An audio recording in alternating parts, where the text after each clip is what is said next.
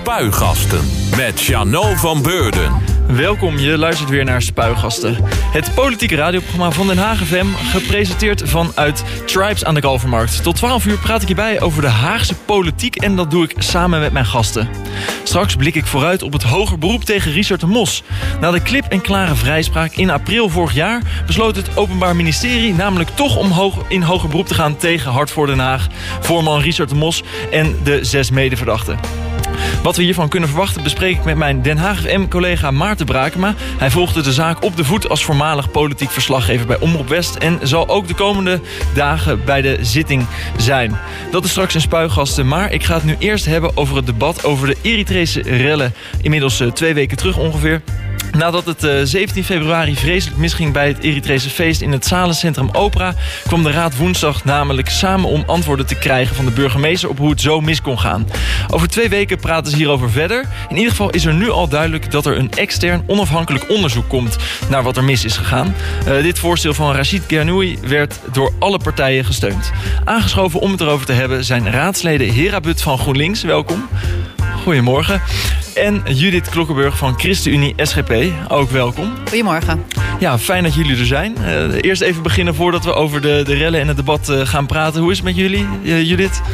heel goed. Ja, ja? We hebben vorige week een week reces gehad waarin we een beetje konden bijkomen. En deze week konden we weer vol van start. Daar komt het dan ook echt toe aan bijkomen? Want het was natuurlijk wel ook de week van het reces dat die rellen plaatsvonden. Of? Ja, die rellen waren inderdaad op zaterdag. Dus we hebben die week maandag eigenlijk gebruikt om feitelijke vragen te stellen. En toen konden we weer een soort van achteroverleunen tot de antwoorden waren. Ja, het is toch nog een beetje reces gehad. En Hera, hoe is het met jou? Ja, eigenlijk hetzelfde. Het gaat goed. Het zonnetje schijnt. Daar heb ik echt wel behoefte Dat is lekker. aan. Daar, daar word ik heel vrolijk van, merk ik. Ja, en het reces hetzelfde als wat Judith zegt. De rellen, de actualiteit kwam ertussen. Dus het was uh, niet heel rustig.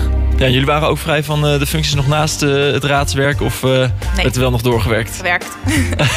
ik heb er geen functie naast, maar wel vier kinderen. En die hadden alle vier dat, dus dat, dat ook hard werken. vind ik echt als een, als een baan tellen. Ik heb zelf geen kinderen, maar ik kan me voorstellen dat vier er een hoop zijn. Goed, dan gaan we het nu over het debat hebben deze week. ja, Judith, jij was niet zelf bij het debat. het debat voerde Simon Fritsij, collega van ChristenUnie SGP. Maar die viert dit weekend zijn verjaardag. Dus jij bent er en je hebt het ook allemaal gevolgd, neem ik aan. Zeker, en gefeliciteerd Simon. Ja, ja, en morgen is de jarige. Ja. Ja, precies. Nou, ook namens mij alvast van harte gefeliciteerd. Um, we gaan het dus over dat debat hebben. Hera, jij was er, er wel bij. Hoe heb je even in het begin naar dat debat gekeken? Ja, in het begin... Uh wat mij opvalt, of opviel, is dat de meeste partijen redelijk op één lijn zaten, toch wel. In die zin, iedereen vond het natuurlijk verschrikkelijk wat er is gebeurd. Ja, daar kun je volgens mij ook amper van mening verschillen. Het was gewoon afschuwelijk. Er zijn gewonden gevallen, hulpverleners, um, omstanders hebben er last van gehad. Nou, het was gewoon één uh, drama voor de buurt ook. En iedereen vond dat iedereen vond dit mag niet nog een keer gebeuren. Dus dat is ook hoe ik er naar terugkijk. De raad is eensgezind, dit mag nooit meer gebeuren. Ook wel fijn, die eensgezindheid in de raad. Uh, Zeker. Ja, dat Zeker. is niet, uh, niet altijd het geval in Den Haag. Judith, jij hebt het misschien meer op een afstandje bekeken. Hoe keek jij ernaar? Nou, wat je zag was wel dat er algemene verontwaardiging ook was. Van hoe heeft dit kunnen gebeuren? Uh, we hebben feitelijke vragen vooraf mogen stellen. Kregen 40 pagina's antwoorden. En sommige antwoorden riepen alleen maar meer vragen op. Van hoe kan het dat bepaalde informatie wel bij het OM bekend was... maar blijkbaar nog niet bij de driehoek? Uh, burgemeester, politiechef, uh, OM. Uh, bijvoorbeeld het feit dat er van tevoren iemand was opgepakt vanwege opruiming, dat dat niet bekend was bij de burgemeester, dat is natuurlijk heel vreemd.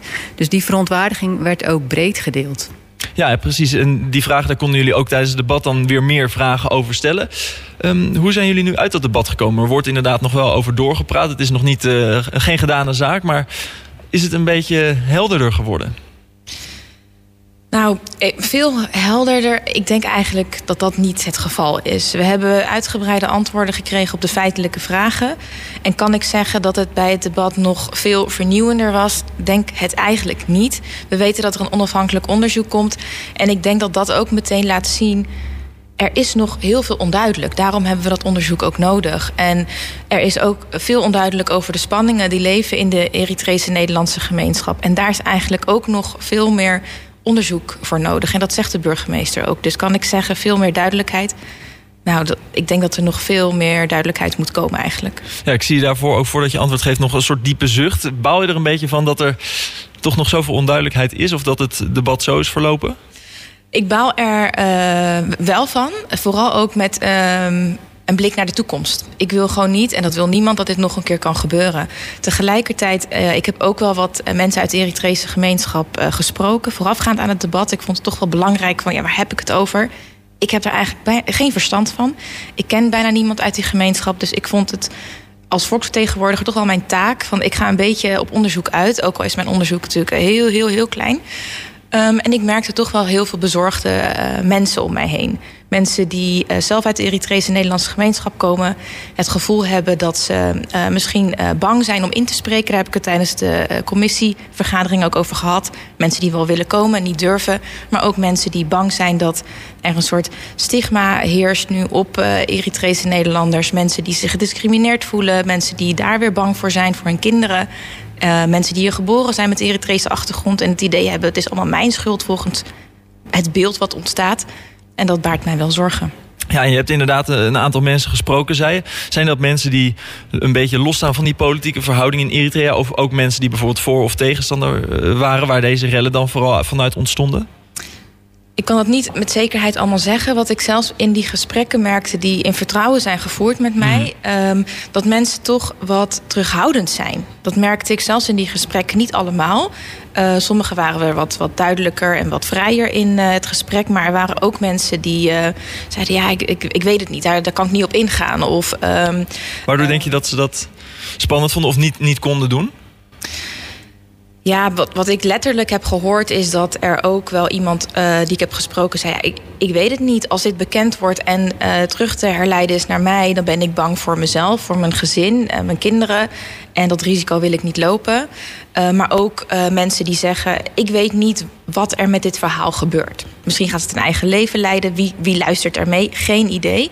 En angst is natuurlijk ook subjectief. Het is niet altijd uh, uh, met rationele argumenten uit te leggen. Dus ik kan dat gevoel ook niet altijd uh, helemaal plaatsen. Maar dat gevoel is er. En ik denk dat die mensen wel weten waar ze bang voor zijn. Um, en dat dat gevoel er is, dat is op zich al kwalijk. En je hebt natuurlijk ook demonstraties gehad in Den Haag in oktober, volgens mij voor het laatst van mensen uit de Eritrese gemeenschap. In, op, volgens mij bij het Malieveld in de buurt. En dat waren mensen die zeiden van ja, we willen bepaalde evenementen organiseren. Um, maar er zijn spanningen en daar zijn we bang voor. Alsjeblieft Nederland, alsjeblieft Den Haag. Uh, bescherm ons. Nou, dat is natuurlijk ook wel een, een soort noodkreet, denk ik, van mensen. Maar in ieder geval zijn de mensen die je hebt gesproken... die voelden, zich, voelden die zich ook eigenlijk een soort slachtoffer van de situatie? Of... Ja, deels wel. Die heb ik gesproken, voor een deel wel. Ik heb op de dag van de, de commissievergadering iemand huilend aan de telefoon gehad. Daar heb ik ook, uh, aan die persoon had ik ook beloofd van... Oké, jij durft jouw verhaal niet vanwege veiligheidsredenen in het openbaar te uiten. Diegene vroeg mij, wil jij dat voor mij doen? Nou, ik heb een deel daarvan tijdens de commissievergadering ook voorgelezen. Um, ja, mensen, er zijn mensen die bang zijn. Die, uh, die voelen zich ook, uh, wat ik hoorde van die persoon, uh, slachtoffer. En bang vanwege het beeld wat ontstaat over alle Eritreërs ineens. Judith, hoe kijk jij naar dat beeld? Heb jij misschien ook mensen gesproken met Eritrese achtergrond? Ja, dat heb ik ook gedaan. Daar was ook een verontwaardiging van... ja, wat je ook ergens van vindt, zo heb je je niet te gedragen. Ook al ben je tegenstander of voorstander van een bepaald regime, je gaat hier niet lopen rellen. Je bent in een land waar vrijheid is, waar democratie is. En daar mag je tegen demonstreren, of wat je ook wil, maar niet rellen. En ze, zij, ze waren echt verontwaardigd over hoe mensen zich hebben misdragen. En inderdaad ook het beeld wat dan naar de hele Eritrees-Nederlandse gemeenschap uh, gaat, uh, dat vond ze heel erg, vond ze heel erg kwalijk. Um, ook ingewikkeld van nou, hoe gaat het nu verder? Hoe gaat er naar mij gekeken worden? Hoe gaan mensen met me om? Word ik nu ook in een bepaald kamp wel of niet geplaatst? Wat ze helemaal niet willen. Omdat er ook gewoon mensen hier zijn die niet per se voor of tegen het regime zijn, maar gewoon uh, helemaal in Nederland en ook mentaal in Nederland zijn. Ja, ik las inderdaad ook verhalen van, uh, van inderdaad mensen uit de Eritrese gemeenschap die inderdaad alles hadden achtergelaten. Ook niet meer die 2% uh, eigenlijk belasting aan Eritrea over hun eigen inkomen betalen. Nou, even terug naar dat debat. Dat was denk ik op sommige momenten ook best wel hard. Er werden best wel felle uitspraken gedaan. Hoe keken jullie daar dan naar, Judith?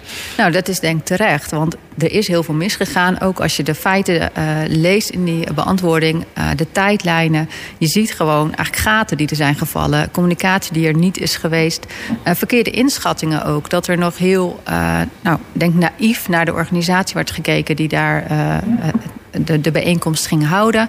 waarvan de burgemeester in het debat ook zei: Nou, met de kennis van nu is het misschien niet zo onschuldig had ik misschien niet zo naïef moeten zijn. En je ziet die gaten uh, in, in, uh, in, de beantwoordingen. Dus uh, terecht dat er zo fel is geweest. En ik denk dat goed dat het op tafel is gelegd. En ook dat er dus een extern onderzoek komt. ik had ook nog niet heel veel antwoorden verwacht, als ik eerlijk ben.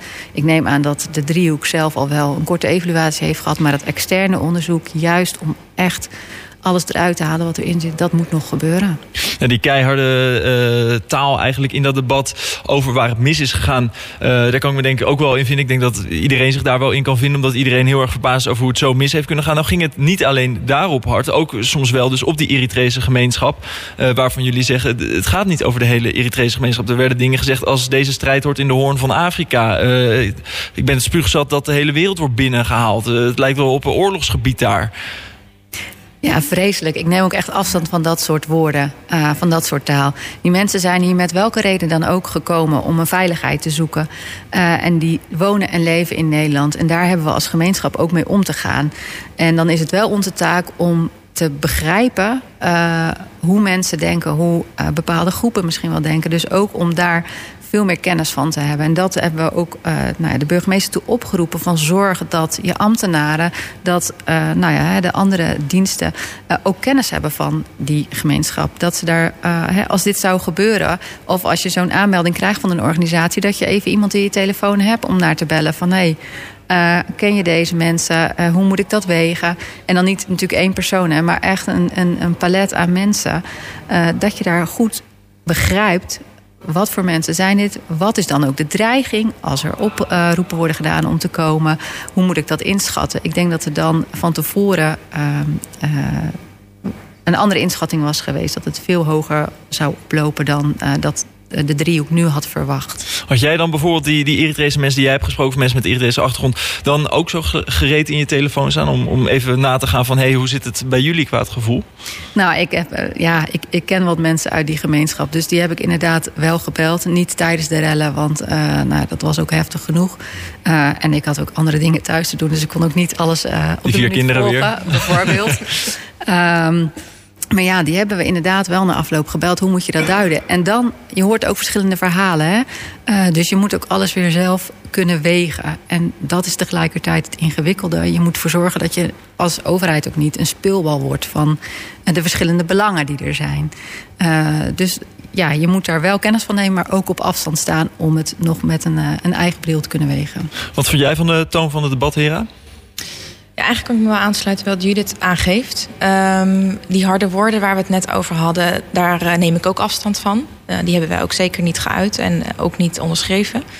Um, en wat Judith ook zegt, verschillende verhalen, verschillende belangen. En dat is, um, dat is het geval, denk ik. De mensen die ik heb gesproken, daar blijkt dat ook uit. Het is heel complex.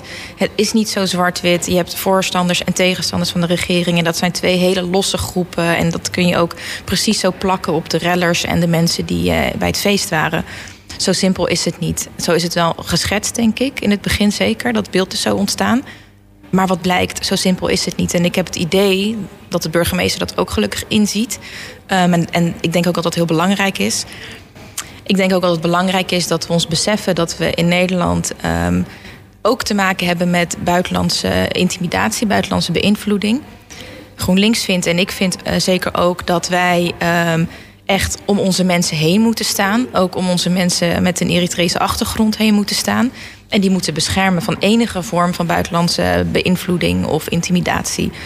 Of dat hier aan de hand is, in hoeverre dat hier aan de hand is, ja, dat moet echt onderzocht worden. Nou, ze denk ik ook een grote groep mensen in Den Haag, misschien ook wel in Nederland, die op dit moment niet zoveel behoefte hebben aan dat verhaal van die twee kanten. Die gewoon denken van jongens, hoe gaat het zo mis? En die dan daar heel eigenlijk eh, eenvoudig naar kijken. Um, dat zie je ook wel aan eh, hoe het nu is gekomen met de, met de verkiezingsuitslag PVV. Heel groot in de peilingen gaat het nog meer. Ik denk dat er ook een grote groep is dus die denkt van jongens, inderdaad die harde dingen die gezegd worden, die dat gevoel delen. Hoe... Ja kun je dat verhaal van jullie dan van probeer toch die twee kanten te blijven benadrukken? Um, hoe kun je dat verhaal dan toch blijven overbrengen? Ik um, denk dat het belangrijk is het gevoel van verontwaardiging dat die rellen plaats hebben gevonden. Dat is volgens mij uh, in brede zin aanwezig. Alle partijen die ik in ieder geval heb gehoord tijdens de commissievergadering vinden dat niet oké. En of dat nou een PVV is, of een GroenLinks of een ChristenUnie SGP, dat maakt niet uit. Niemand vond dat oké. En daarin begrijp ik die mensen ook zeker. Maar stap twee is dan om het volledig uh, zo plat te slaan dat het de schuld is van mensen die uit Eritrea hierheen komen. Uh, nu hierheen komen als vluchteling of misschien twintig jaar geleden hier zijn gekomen. Zo simpel is het niet. En het, het doet ook geen recht aan die mensen. Um, en en dat, dat, daarin begrijp ik het niet. Ik kan me wel voorstellen dat je daar zo emotioneel in staat. Dat je het erg vindt voor je stad. Ik vind het ook erg. Het mag ook niet. Je gaat geen hulpverleners belagen, politieagenten. Je gaat geen auto's in de fik uh, uh, doen. Dat, dat doe je niet. Natuurlijk niet. Maar dat geldt voor iedereen. Ongeacht je achtergrond. Ongeacht of je een vluchteling uh, was of niet. Dat, dat doen we niet. Nee, inderdaad, wat je nu vertelt, dat, dat liet je in het debat ook al een beetje merken. Uh, jouw collega Judith uh, ook. Jullie kwamen, dat viel mij in ieder geval op, dus met eigenlijk een beetje zo'n alternatieve aanvlieg, uh, aanvlieghoek. Niet alleen maar hard, maar heren, jij zei bijvoorbeeld, we moeten ook toenadering zoeken. in gesprek met de Eritrese gemeenschap raden ook aan de burgemeester dat ook te doen. om die groep eigenlijk beter te begrijpen. En Judith ChristenUnie SGP die gaf dus aan van ja, misschien kunnen de kerk en de kerkleiders hierbij ook een, een rol spelen. Wat, wat voor rol kan dat bijvoorbeeld zijn? Nou, in de Eritrese uh, cultuur zit ook uh, religie echt diep verankerd. En uh, hier in Den Haag zijn diverse Eritrese kerken waar mensen samenkomen en waar ook leiders aanwezig zijn die ook een bepaald gezag hebben in die gemeenschappen. dus dat zijn personen, sleutelfiguren, die je eigenlijk ook nou, zou kunnen bevragen van hoe werkt dit precies? Hoe zit het in jullie cultuur? Waar moeten we rekening mee houden? zodat je die inschattingen ook beter kunt maken voor de toekomst. En als, als er dan dit soort organisaties komen, dat je even dat belletje doet van hé, hey, um, uh, hoe zitten jouw mensen hierin? Uh, zodat je op die manier ook goed kunt betrekken. En tegelijkertijd ook, wat de heer al zei, je hebt je in Nederland normaal te gedragen. We zijn een vrij land waar iedereen gelijkwaardig is, waar we tolerant zijn, waar uh, iedereen een, een mening mag hebben. En er, je mag daartegen demonstreren. Maar uh, rellen, dat is gewoon uit den boze. En dat moet overal verkondigd worden. Dus dat kun je ook weer via die kanalen... Hè, daar weer meer kennis over geven. Uh, kan je dan ook doen. En heren, waarom is het voor jou belangrijk om het ook op het probleem op deze manier aan te pakken? Door vooral dat gesprek te voeren? Ik denk ook omdat ik probeer, GroenLinks probeert veel meer te kijken ook naar uh, oplossingen. Um, rellen tegenhouden, rellen uh, stoppen, dat is één ding. Dat moet je op het moment doen als het, als het mis is gegaan. Maar ik wil veel meer naar een situatie waarin dit gewoon echt niet meer gebeurt. Ik heb daar nog onvoldoende grip op. En ik heb het idee dat, uh, dat dat vanuit de overheid er ook nog niet echt is op deze gemeenschap. En dat het onduidelijk is waar de spanningen precies zitten. En ik denk dat daar nog wel winst te behalen is. Ook om te kijken hoe zorgen we ervoor dat we de gemeenschap begrijpen. En wellicht daarmee ook dit soort escalaties in de toekomst voorkomen of misschien eerder zien aankomen ook. Je noemt de overheid die het nog niet eigenlijk genoeg daar grip op heeft en misschien ja. ook niet genoeg visie daarop. Is het ook echt een, een groter probleem? Want je, je hebt het over praten. Bedoel je dat dan eh, praten in Den Haag? Of moet, moeten andere gemeenten, andere plekken in Nederland, moet eigenlijk overal gepraat worden? Ja, ik, ik denk dat het um, goed is als overheden überhaupt, of het nou Den Haag is of Amsterdam of uh, Zwolle, dat, dat, maakt verder niet heel veel uit, dat we weten uh, wat voor mensen we in een gemeente hebben of in Nederland hebben. Dus wat mij betreft landelijk ook trouwens. Dat is denk ik belangrijk. En zeker bepaalde uh, landen op de wereld waarvan we weten... daar komt wellicht uh, onwenselijke intimidatie of beïnvloeding vandaan. Ik heb het eerder ook over de Oeigoerse gemeenschap gehad bij Den Haag... om een voorbeeld te noemen ik denk dat het goed is als de overheid zich daar wel mee bezighoudt. Den Haag, maar ook andere gemeenten. Ja. En die gesprekken nog even, Judith, wat, wat voor gesprekken kunnen dat zijn? Want het lijkt me toch ook iets van de, van de lange termijn. Dat moet groeien ook. Zeker, zeker. Dat is ook niet wat je van, uh, van nu op morgen hebt geregeld. Maar ik denk dat je daarin moet investeren. Dat we daar nou ja, de afgelopen jaren ook misschien wel hadden, meer hadden moeten investeren. De, als je het specifiek hebt over de Eritrea. Ja, wat hadden we meer kunnen doen? Nou, deze contact al aangaan. We hebben uh, in 2017 uh, was er al onderzoek dat de Eritrese gemeenschap uh, slechter integreert dan andere nou ja, mensen uit andere landen van herkomst. Um, en er is toen heel kort ingezet als Den Haag ook op die gemeenschap. En daarnaast gezet, nee, we gaan niet meer specifiek op gemeenschappen inzetten. We doen een algemeen integratiebeleid. Nou, dan, toen zijn die contacten eigenlijk verloren gegaan. En dat is heel jammer, want als je dat aangehouden had... dan hadden we geweten wie zijn hier uh, aan, aan, aan bod, uh, wie is deze organisatie, waar kunnen we informatie ophalen, hadden we meer kennis kunnen hebben. En het is inderdaad lange adem, want het is niet dat jij van, van vandaag op morgen het vertrouwen hebt van al die mensen. Dus daar moet je echt aan gaan werken. Ja. Pleit je dan eigenlijk ook voor een heroverweging van die aanpak om toch te kijken van moeten we het niet toch ook per groep bekijken of in verschillende groepen? Ik denk dat je vanuit het stadhuis echt wel verschil mag zien tussen verschillende groepen. Ik denk dat niet, helemaal niet dat je iedereen over één kam kan scheren. Want iedereen komt hier met zijn eigen verhaal en met zijn eigen geschiedenis ook. En dat heeft iedereen ook recht op. En ik doe daar helemaal niks aan af. Alleen daar moet je denk ik ook wel oog voor hebben en houden. Heren, is dat voor jou ook een goede optie om bijvoorbeeld daar opnieuw naar te kijken? Proberen toch die verschillende groepen helder te krijgen, waardoor je concretere aanpak kan bieden? Ik denk dat het goed is om uh, maatwerk te verrichten. Daar kan ik niet tegen zijn. Uh, dus echt dat je ook naar de verschillende uh, groepen mensen kijkt qua achtergrond, om het maar zo ehm, in te delen. Als we dat al kunnen, tot op zekere hoogte kan dat denk ik ook niet. Ik weet niet, daar twijfel ik over of ik het zou koppelen aan integratie op zich. Um, omdat ik nog onvoldoende weet of het per definitie met integratie te maken heeft. Mensen die rellen in Nederland uh, sommige mensen rellen ook, terwijl er geen integratievraagstuk is. Die overtreden de wet. Ik vraag me af of het per se, daar twijfel ik over hoor. Dat heb ik tijdens mm -hmm. de commissievergadering ook wel aangegeven. Ik weet niet of ik het direct zou koppelen aan integratie. We weten bijvoorbeeld niet of de mensen die aan het rellen waren, zijn dat misschien Eritrese Nederlanders die hier geboren zijn. Dus in hoeverre kun je dan echt over integratie spreken altijd? Die gesprekken waar jij het dus net ook over had, die zie je niet als gesprekken die staan echt ook helemaal los van, van de integratie. Dat zijn meer gesprekken om te kijken waar het dan misgaat. Ik, ik ook, ook de mensen die ik zelf heb gesproken bijvoorbeeld, dat waren geen mensen die hier uh, twee jaar geleden zijn gekomen. Dat waren mensen die, uh, sommigen hier zijn hier geboren, maar die kennen de spanningen. Die kennen de, de lastigheid ik, ik twijfel of integratie dan uh, de oplossing is. Tegelijkertijd ben ik wel zeker voor een goede integratie van nieuwkomers. Dus daar moet je echt volop inzetten als overheid. Dat zou ik voor alle nieuwkomers uh, bepleiten. Nou is kritiek vanuit de raad ook uh, tijdens dat debat van... nou, je kan inderdaad gaan praten met die mensen... maar waarschijnlijk is het een hele kleine groep uh, waar dit vandaan komt. Of, of, het is een hele kleine groep. Er zijn ongeveer zo 25.000 mensen met Eritrese achtergrond in, in Nederland die zijn echt niet allemaal aan het rellen hier. Nee, nee gelukkig. Gelukkig. Gelukkig niet. En dat maar hoe bereik je dan toch die groep mensen waar het zo vreselijk misgaat? Want dat lijkt me misschien wel het lastigst. Dat lijkt me heel lastig, ja. Nou ja, het begin denk ik met die kennis. Dus sleutelfiguren. Uh, begin, denk, ik kan vrij laagdrempelig beginnen met uh, de, de, de voorgangers van de, van de kerken aan te spreken. En zo kan je denk best wel die uh, groep induiken. En gelukkig inderdaad zijn het niet 25.000 mensen die zijn komen rellen.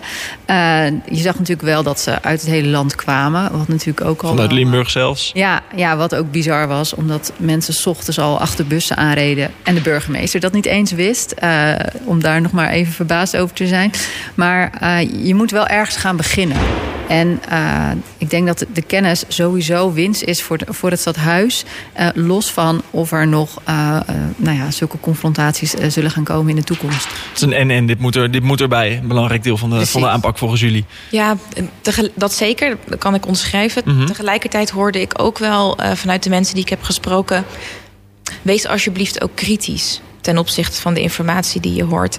En uh, waar je wat bedoel je dan met, dat, met kritisch? Een voorbeeld wat het concreter maakt. Ik heb uh, ook wat mensen gesproken en het gehad over de kerken bijvoorbeeld, de orthodoxe Eritrese kerken. Uh, daar heb je een x aantal van, ik geloof tientallen in Nederland inmiddels ik hoorde ook wel zorgen juist. Uh, dat ze de kerken niet zo vertrouwen. Omdat die wellicht ook banden hebben met uh, de regering in Eritrea. Dus wees ook kritisch, zeg ik ook zeker tegen eh, de gemeente Den Haag. Ja, om daarop aan te sluiten, dat klopt. Uh, er is in Eritrea ook een soort van staatsgodsdienst. En ook die kerken zijn in Den Haag.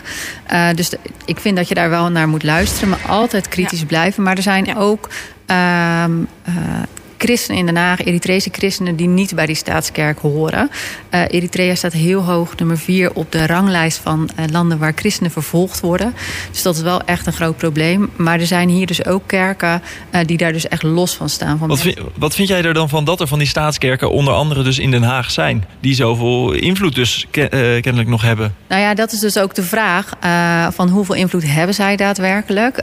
of Ach, zijn zij hier... Mensen die Hera bijvoorbeeld heeft gesproken plaatsen nadrukkelijk die kanttekening erbij. Nee, die heb ik ook. Ik, uh, um, uh, maar dat ontslaat je denk ik niet van de plicht om die mensen te leren kennen. Eens. Om te weten wie zij zijn, uh, wat ze doen... en of ze, of ze zelf ook zo in die wedstrijd staan eigenlijk...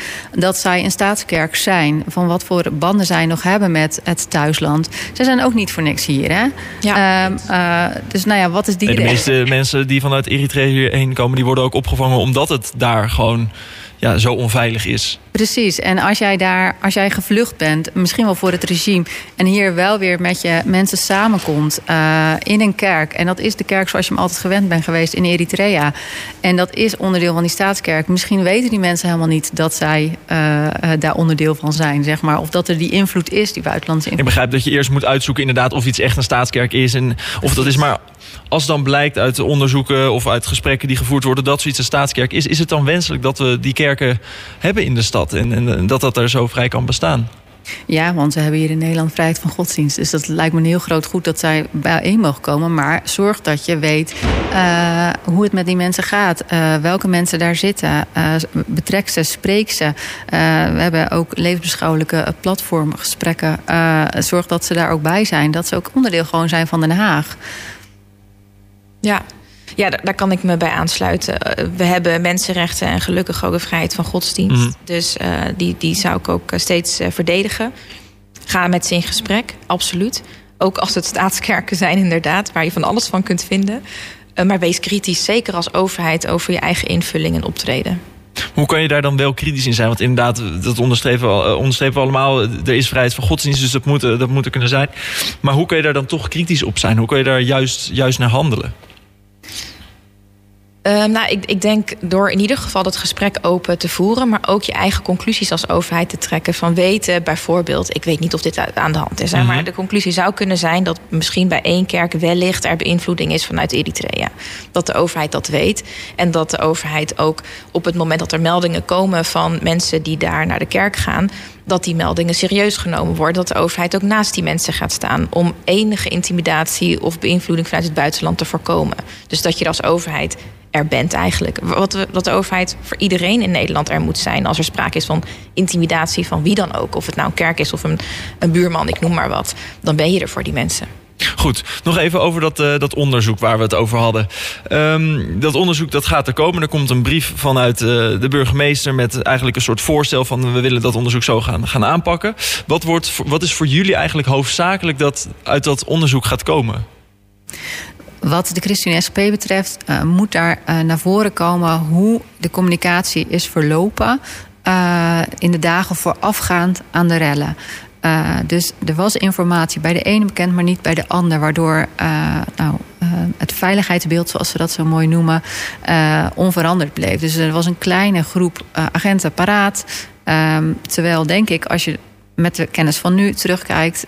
en de kennis die er toen wel bij de diverse mensen aanwezig was... maar niet gebundeld, had dat veel groter moeten zijn. Dus wat ons betreft gaat het vooral daarom. Deel jij dat? Ja. ja, ja, inderdaad, dat deel ik. Daar hebben we ook vragen over gesteld mm -hmm. tijdens de commissievergadering. En eigenlijk de meeste partijen wel, denk ik. Um, er is iets misgegaan met het doorgeven, met het bundelen, inderdaad, wat Judith zegt. En dat moet veel beter, want op deze manier is dat gewoon niet te doen voor de politie en de hulpverleners. Nou, hopelijk wordt het dus duidelijk waar het zo mis is gegaan.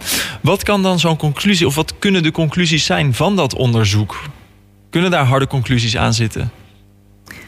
Als je moet een beetje lachen. Ja, ik, ik, zit even te denken waar je op gaat doen. Of, of, of het doel wordt dat de burgemeester zou moeten aftreden. Ik uh, weet niet wat, waar, waar, jij dat eerst aan nee. moest denken. Maar dit, uh, dit nou, schiet gelijk bij jou te binnen. Ik zag je ogen een beetje glimmen. Oh. Uh, Uh, wat ons betreft niet. Nee, de conclusies zouden echt uh, moeten zijn van hoe kunnen we dat proces dus verbeteren? Hoe zorgen we dat alles gebundeld is vooraf dat we veel betere inschattingen kunnen maken uh, ja. wat ingezet moet gaan worden, ja of nee? Ja, want je noemt inderdaad gelijk die burgemeester. Maar wat ChristenUnie SGP betreft is het geen, goed, geen, geen goede zet voor de stad als, als daar een burgemeester voor, voor zou moeten vallen. Uh, wat ons betreft nu op dit moment niet. Nee, kijk, als dat onderzoek laat zien uh, dat de burgemeester zelf echt steken heeft laten vallen, dan uh, hebben we misschien een ander gesprek. Hera, wat, wat kunnen volgens jou de conclusies zijn? Of wat moeten de conclusies zijn? Nou ja, om in te gaan op wat Judith aangeeft uh, over de burgemeester. Ja, wat GroenLinks betreft is daar ook geen reden toe om nu te zeggen... de burgemeester zou moeten stoppen uh, of aftreden. Nee, absoluut niet. Um, ik verwacht ook niet per se dat dat uit het uh, onderzoek komt. Maar je weet het niet. We weten het niet. Uh, in ieder geval, naar aanleiding van het debat, uh, heb ik geen reden nu om te denken dat er misschien iets is wat de burgemeester uh, wel wist en had moeten doen. of had moeten optreden met de kennis die de burgemeester had. De, de debatten geven geen aanleiding om zoiets te denken. Het lijkt er echt op dat er met de communicatie, met het doorgeven van informatie, tijdig bundelen dat daar uh, dingen niet goed zijn gegaan. Nou, ik was inderdaad ook benieuwd naar hoe jullie daarnaar zouden kijken. Maar ook omdat er natuurlijk wel gelijk geluiden komen bij zoiets als dit gebeurt. Van, gaat dat dan of kan dat dan de kopkosten van de burgemeester? Ook natuurlijk omdat er in het verleden bij uh, Krikken ook zoiets soortgelijks is gebeurd. Niet, je kan het niet precies vergelijken, maar met die vreugdevuur is daar een onderzoek naar gedaan. Daar was ook de communicatie niet helemaal lekker. En daar lag bij haar toen wel, bleek uit de conclusie, uh, wat. En daarvoor is zij toen opgestapt. Dus vandaar ja. toch de vraag. Ik vind wel een andere, nee, je kan het niet zo andere orde. Ja, ja, ja. ja. Uh, ik denk dat het daar ook misschien meer een opstaat. Dus er is ook nog geen onderzoek gedaan, dus je kan nee. het ook nog niet vergelijken. Nee. Maar het, in beginsel is het wel een interessante, een interessante vraag. Daarom uh, ja. stelde ik hem toch. Dat had ja. je goed door aan mijn glinsterende ogen. Um, ja, goed. 14 maart hè, wordt er doorgepraat uh, bij de gemeenteraad. Ja. Nou, we gaan dat uh, volgen. Dan ben jij er ook bij, Judith? Zeker ben ik er. Hartstikke goed. Nou, nu, uh... als, ik, als ik gezond ben, dan nu heel hard. Maar... nee, ik hoop het al voor je. Uh, Hera But van GroenLinks en Judith Klokkenburg van ChristenUnie SGP, bedankt voor jullie komst. Het is tijd om vooruit te blikken op het hoger beroep tegen Richard de Mos. In april vorig jaar maakte de rechter nog gehakt van de aanklacht van het Openbaar Ministerie tegen de Hart voor Den Haag voorman. Er klonk een klip en klare vrijspraak. Althans, zo klip en klaar was die uitspraak voor het OM niet. Zij besloten om zich nog niet bij de zaak neer te leggen en maakte in oktober bekend in hoger beroep te gaan tegen de Mos en de zes medeverdachten. Aanstaande dinsdag is het zover, dan start het hoger beroep en ik heb het erover met Maarten Brakema. Hij volgde de zaak als voormalig politiek verslaggever bij Omroep West op de voet en hij uh, zal de komende zittingsdagen volgen voor Den Haag FM. Ja, en Omroep West ook. En Omroep West ja. ook. Maar in ieder geval zit je nu uh, lekker bij ons, bij Den Haag FM. Uh, hoe is het met je? Goed. Ja? Ja. ja. Heb je er zin in eigenlijk, dat, dat het hoger beroep daar... Of in ieder geval om het te volgen? Ja, ik, ik vind dat wel interessant. Het is, de, ik, vond ook, ik ben ook bij alle zittingsdagen geweest uh, bij de rechtbank. Gewoon in Rotterdam was dat toen nog. Hè, uh, tegen Richard de Mos en die andere medeverdachten. Want ja, we hebben het makkelijk over Richard de Mos. Maar Rashid Keinawi, zijn partijgenoot, staat natuurlijk ook in de verdachte bank weer. En nog, moeten we even goed tellen, één is er afgevallen. Dus er blijven er nog vijf over hè, die hier ook verdacht worden. Ja, en, en, en, dinsdag gaan ze dus beginnen. Uh, daarvoor even terug eerst naar die vrijspraak uh, op 21 april vorig jaar. Ja. Uh, de rechter die had toen inderdaad, zoals ik net zei, een klip en klare uitspraak. Dit zei hij erover. En de verdachten, alle verdachten worden daarom vrijgesproken van de te lastig gelegde ambtelijke omkopingen. En als gevolg daarvan worden zij ook van de te lastig gelegde deelname aan een criminele organisatie vrijgesproken. En ook van bijna alle andere te lastig gelegde feiten worden de verdachten vrijgesproken. Voor de motivering daarvan, van deze vrijspraken, wordt verwezen naar de schriftelijke vonnissen. Attila wordt voor wapenbezit veroordeeld tot een voorwaardelijke gevangenisstraf van vier maanden. En in zijn vonnis is hiervoor een uitgebreide motivering gegeven. Het wapen en de munitie zal worden ontrokken aan het verkeer. En ten aanzien van een geldbedrag van 8.500 euro zal een last worden gegeven tot teruggave aan de mos. Ik dank u allen voor uw uh, aandacht. Ja, dat... ja, jij was hierbij. Ja, dat was, een heel, uh, dat was echt uh, een heel indrukwekkend moment. Ik had hier rest van die rechtszaal zat ik eigenlijk beneden in de, recht, uh, in de rechtszaal zelf. Maar, maar die, het was, sommige dagen was het enorm druk met heel veel media en, en andere belangstellenden.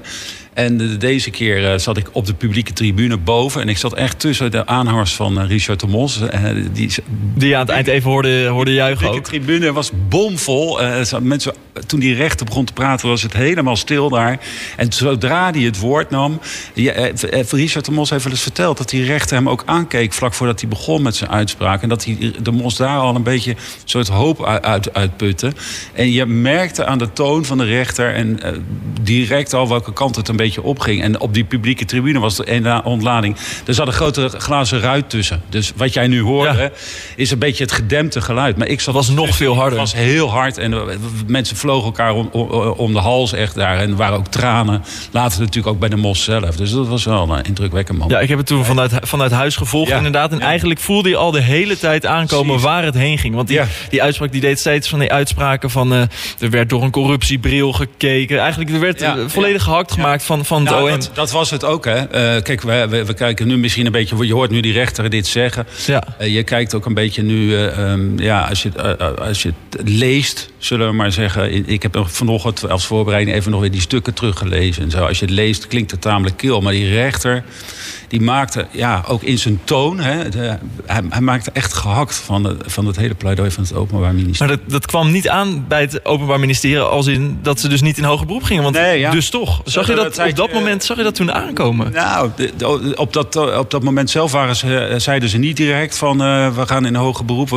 we moesten ze er even Ze hebben er best wel even over nadenken. Toen nagedacht. hebben ze er nog langer over nagedacht. Hè?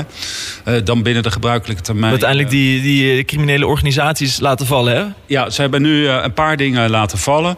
Eh, onder meer eh, de criminele eh, organisatie hebben ze laten vallen. En, en, ehm, even kijken, ik heb het nog even opgeschreven. Schending, waar die nu voor, in het hoger beroep blijft nog omkoping en, het schending, en schending van het ambtsgeheim. En mijn eet en criminele organisatie heeft het openbaar ministerie laten vervallen. Want de redenering daarvan is dat ze toch wel een soort tempo willen maken bij deze zaak. En als ze dat ook nog wel zouden willen bewijzen, zou dat nog langer duren. Dus ze willen de maatschappij niet nog langer belasten met deze rechtszaak. Maar ja, goed, we praten nu bijna toch. Hè, na de zomer is het volgens mij vier jaar. Hè? 1 oktober, twe- eh, 1 oktober 2019 was die inval. Dus dat is, dat is na de zomer al vier jaar. Houdt Ja, en- de zaak eh, Den Haag in zijn greep. De, Toen, toen die vrijspraak er was, werd er eigenlijk van gesproken... dat zwaard van Damocles is eindelijk van de stad Ja. af. Maar ja.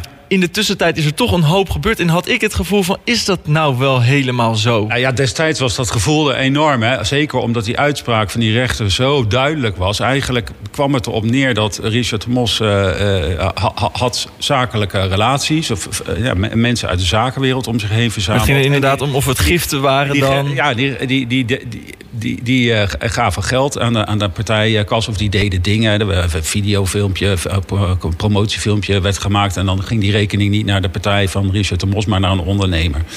Ja, en er werden tijdens die rechtszaak werden ook deskundigen gehoord. En die zeiden, ja, eigenlijk zijn er weinig regels voor dit soort dingen. In de, wet staat hier niet veel over dat dit wel of niet mag. En de rechter heeft toen ook gezegd... ja, je moet de, recht, de rechtspraak niet belasten met een politieke vraag. Dus eh, eh, terug naar de tekentaal van politiek. Ga, ga regels hiervoor maken. Ja, en, en dus dacht iedereen na die uitspraak... nou, dat is zo helder. eh, d- die discussie is nu voorbij hè, in het stadhuis. Maar ja, toen weer opnieuw... ja, het Openbaar Ministerie ging zeggen... wij, nemen hier toch geen genoegen mee. Volgens mij zijn de baas van het Openbaar Ministerie... de uitspraak van de rechters 180 graden anders dan ons, ons wat wij ervan vinden. Ja, dat is voldoende aan. Heb je het idee dat dat toch nog bepaalde partijen in de raad beïnvloeden? Dat dat hoger beroep toch nog boven dat hoofd van de Mos, Genoui, van de partij eigenlijk eh, hangt? Nou ja, ik denk dat dat er nog wel bij, bij eh, veel partijen, en een aantal partijen, sorry, ik moet het niet te generaliseren. Dat heb ik net geleerd ook. Niet van- over één kam scheren. Net bij, bij de Eritreërs geldt dat ook zo. Hier geldt hier in het stadhuis ook.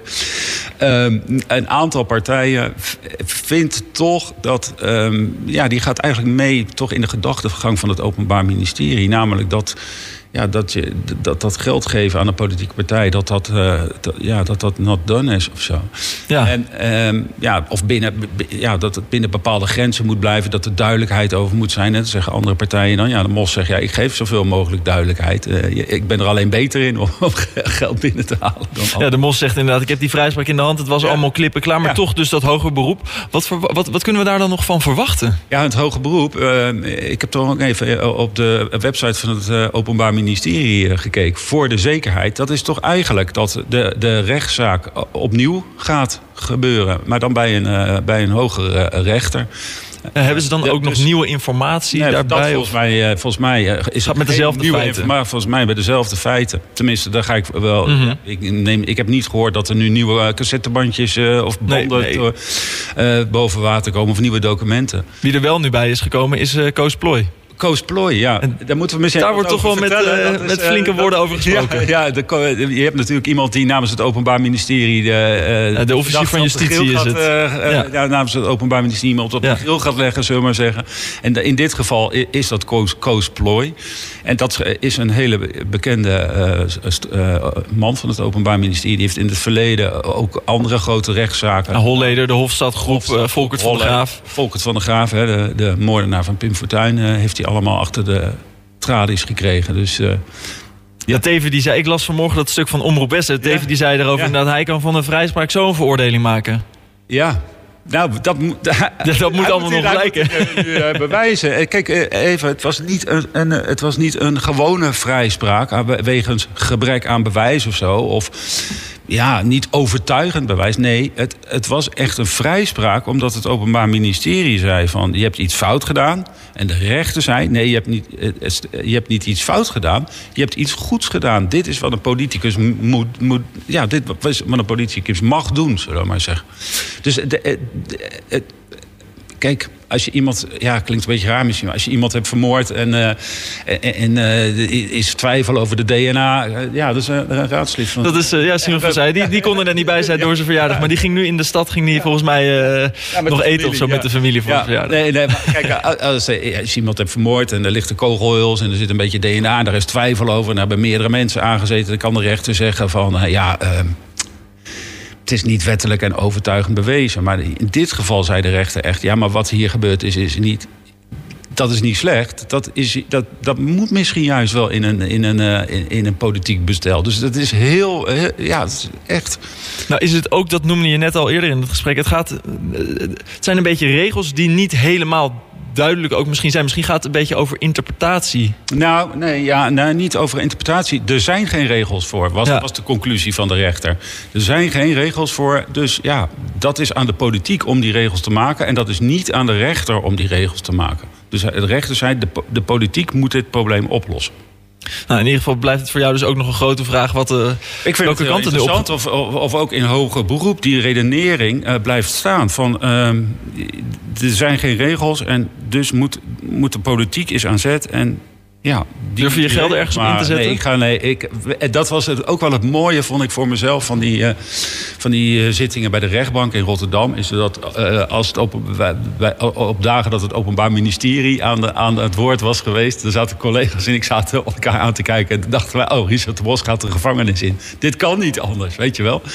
En dan kwam de verdediging van de Mos. En die, die, dan zaten wij, nou, het is echt belachelijk... dat hier een rechtszaak, een rechtszitting over is. Ging alle kanten Ging- op. Het ging ook, naar ons gevoel ging het echt die dagen alle kanten op. En dat maakte het ook zo interessant om erbij te zijn. Je, je, eh, ja, het is voor Richard de Mos heel... Ik, ik snap dat het voor hem heel ingrijpend is en, en, en dat het weer zware dagen eh, zijn. Hij heeft daar ook al Mm. wat dingen over gezegd. Hij heeft eh, afgelopen winter bijna getwijfeld of Ja, hij nog wel wat door wilde gaan in de politiek. En voor, ook En voor zo. Kernouillet is het Ja, heel zwaar maar, geweest. Maar misschien moet je wel zeggen, ja, het is voor hem en zijn partij is het een lastige periode voor Nederland in, zijn- in, in, in bredere zin. Is het goed dat deze rechtszaak gevoerd wordt, omdat hiermee ook duidelijk kan worden wat een politicus mag doen of niet? Ja, dat geldt vervolgens natuurlijk Ja. ook voor alle andere geldt ook lokale... voor, andere, voor andere mensen. Kijk, we- hebt, in Limburg heb je ook wat van dit soort zaken gehad. Eh, Jos van Rij, hè, eh, die, volgens mij is die gewoon weer wethouder. ja, Eh, daar, zag je toen, eh, daar- daar ging Richard de Mosse nog mee eten in die, Ja, eh, die is, eh, die is- de die gewoon echt veroordeeld voor dit soort dingen. En daar was ook sprake Ja. van. Dat er enveloppen met geld eh, werden afgeleverd. Volgens mij is eh, zijn zoon aangehouden. Met Ja, maar dat was ook weer een heel- was weer Dat een heel ander echt- verhaal. Dat was echt een heel ander kaliber verhaal. Dat Ja. was gewoon... Dat, ja, dat, dat kon iedereen bijna aanvoelen. Dit, dit voelt niet fijn. En, maar dit, bij- Richard de Mos is toch echt wat anders. En eh, daar moet dus het... eh, ik zou bijna naar het Binnenhof wijzen, maar we moeten naar het ministerie, voormalig ministerie van Buitenlandse Zaken wijzen. Daar moet, daar moet de oplossing van komen, zijn Ja. rechten. Ja. Maar ja, we weten allemaal hoe het daar gaat, dus dat gaat voorlopig ook niet Ja, gebeuren. dinsdag begint het dan dus, dat hoge beroep. Eh, hoe ziet de planning eruit? Hoe, hoeveel gesprekken komen er? Eh, Wanneer weten we wat... eh, eh, verspreid over ehm, eh, twee, drie weken, zeg ik al maar, ongeveer twee, voor, voor het gemak even twee dagen in de week. ja, twee dagen in de week. En dan Ja. weten we daarna... Nou ja, kijk, eh, de vorige keer was, eh, liet de uitspraak... eh, tussen de zitting en de uitspraak zat best behoorlijke tijd. En volgens mij had de rechter ook nog wat langer de tijd nodig... omdat het druk was in die rechtbank destijds. Eh, dus dat zal wel nog even duren. Het zal nog even duren. Goed, vorige keer toen, eh, toen kwam de mos... voor de zomer. Ja. vorige keer kwam de mos eh, met een hele Hart voor Den Haag protestmars. Ik zag nu ook alweer een, Ja. een oproep Ja. daarvoor. Ja, en hij is natuurlijk eh, afgelopen week is natuurlijk zijn verkiezingscampagne Campagne al begonnen, rally. hè, bij campagne rally. Deze keer niet in, in opera voor de zekerheid, maar Nou, die hadden nog wat op te bouwen. Akjos, eh, ja, dat ook. Maar volgens mij zijn de Akjos ook geen eigenaar meer van opera. Ehm, eh, Maar goed, in ieder geval dat hij die campagne-rally weer is begonnen... is Ja. denk ik... Dit is puur strategisch natuurlijk. Wat, denk je dat hij daar echt nog wat mee kan bereiken? Of is het meer gewoon voor de, voor de vorm, voor de campagne... De, daar, dat benutten? Ja, ik denk dat hij. De, de, het is volgens mij twee jaar nog tot de verkiezingen te gaan. Het is Ja, best wel. is eh, een vroege- best wel, eh, aftrap. Best wel lang om dit eh, vol te houden, twee jaar. In mijn herinnering begonnen de meeste verkiezingscampagnes. De verkiezingen zijn meestal in maart of zo, de gemeenteraadsverkiezingen. En de meeste campagnes begonnen eigenlijk.